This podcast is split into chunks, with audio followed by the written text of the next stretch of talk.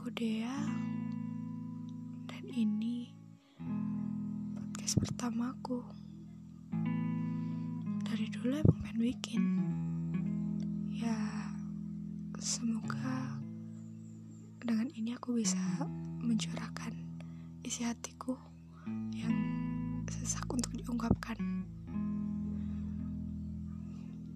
Sendu ini bakal jadi milikku sendiri.